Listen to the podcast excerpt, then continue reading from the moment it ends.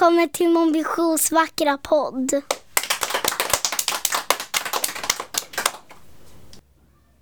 Kapitel 17 Djurparken Skansens var, eh, grindarna var förstås eh, låsta.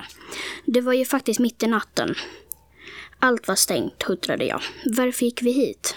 Det hade gått en timme sedan Rusta och väckte lilla Haj och mig. Jag hade halvsovit medan vi vandrade genom stan. Vi hade hämtat luftlöparna förstås, sa lilla Haj och, och tände ficklampan. Tror du att vi kommer in eller? Det tror jag för, vi förstås. Det gjorde vi förstås. Lätt som en plätt. Över staketet. Jag hade aldrig varit på Skansens, men jag ville alltid velat gå hit, dit. Medan jag pulsade efter hajen, lilla haj uppför, uppför i en, en snöig backe undrade jag vad luftlöparen kunde vara för djur. Jag hoppades att de var söta i alla fall. Här, eh, här har vi dem. Lilla Hajo lyste med sin flicklampa i, i ett staket före oss. Niklassons luftlöpare. Jag läste på skylten i ljuskäglan. Ranager Taradus, stod det. Igen. Jag hade aldrig hört, jag hade aldrig hört rena kallade luftlöpare, men en renkalv är ju ganska söta. Båda, båda Rustan och Lilla Haj hoppade över staketet in i hagen och jag följde efter. Två renar kom lufsande mot oss. Hämtar du släden, Lilla Haj? sa Rustan. Och jag pratade med dem. Jag hade aldrig hört att man kunde prata med renar heller, men Rusta gjorde faktiskt det. Hej, Doner och Blixten, viskade han och klappade deras mjuka mullar. Var har ni kompisarna? Renarna grymde lite och tittade bort mot renarna av flocken. Eh, mot resten av flocken. När Rustan vistel, visslade mot och låg de kom flera renar travande. Här, eh, där är ju allihop, sa han. Eh, fast var är du? Fast var är Rudolf? Just då kände någonting. Just då kände jag någonting mjukt puffa på mig i ryggen.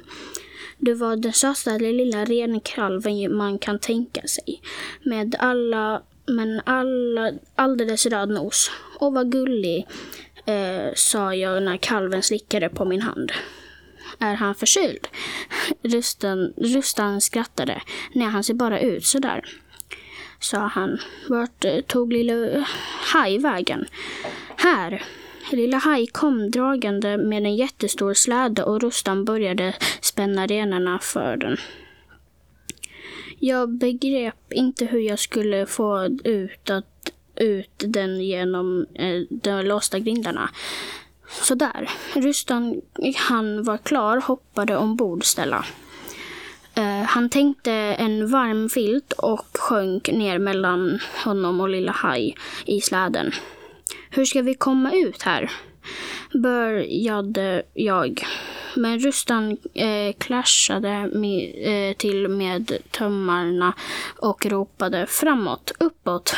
Renarna började springa och släden for framåt. Rakt mot staketet, jättefort. Jag, kunde, jag kurrade ihop mig under filten och väntade på smällen. Men det kom ingen smäll. Istället blev det helt tyst. Titta Stella, sa Lilla Haj. Nu flyger vi. Och det gjorde vi faktiskt. När jag hade kikat genom svävade släden på, eh, i nattvid, på nattvidden och renarna sprang i tomma luften. Nu förstod jag varför det kallades luftlöpare.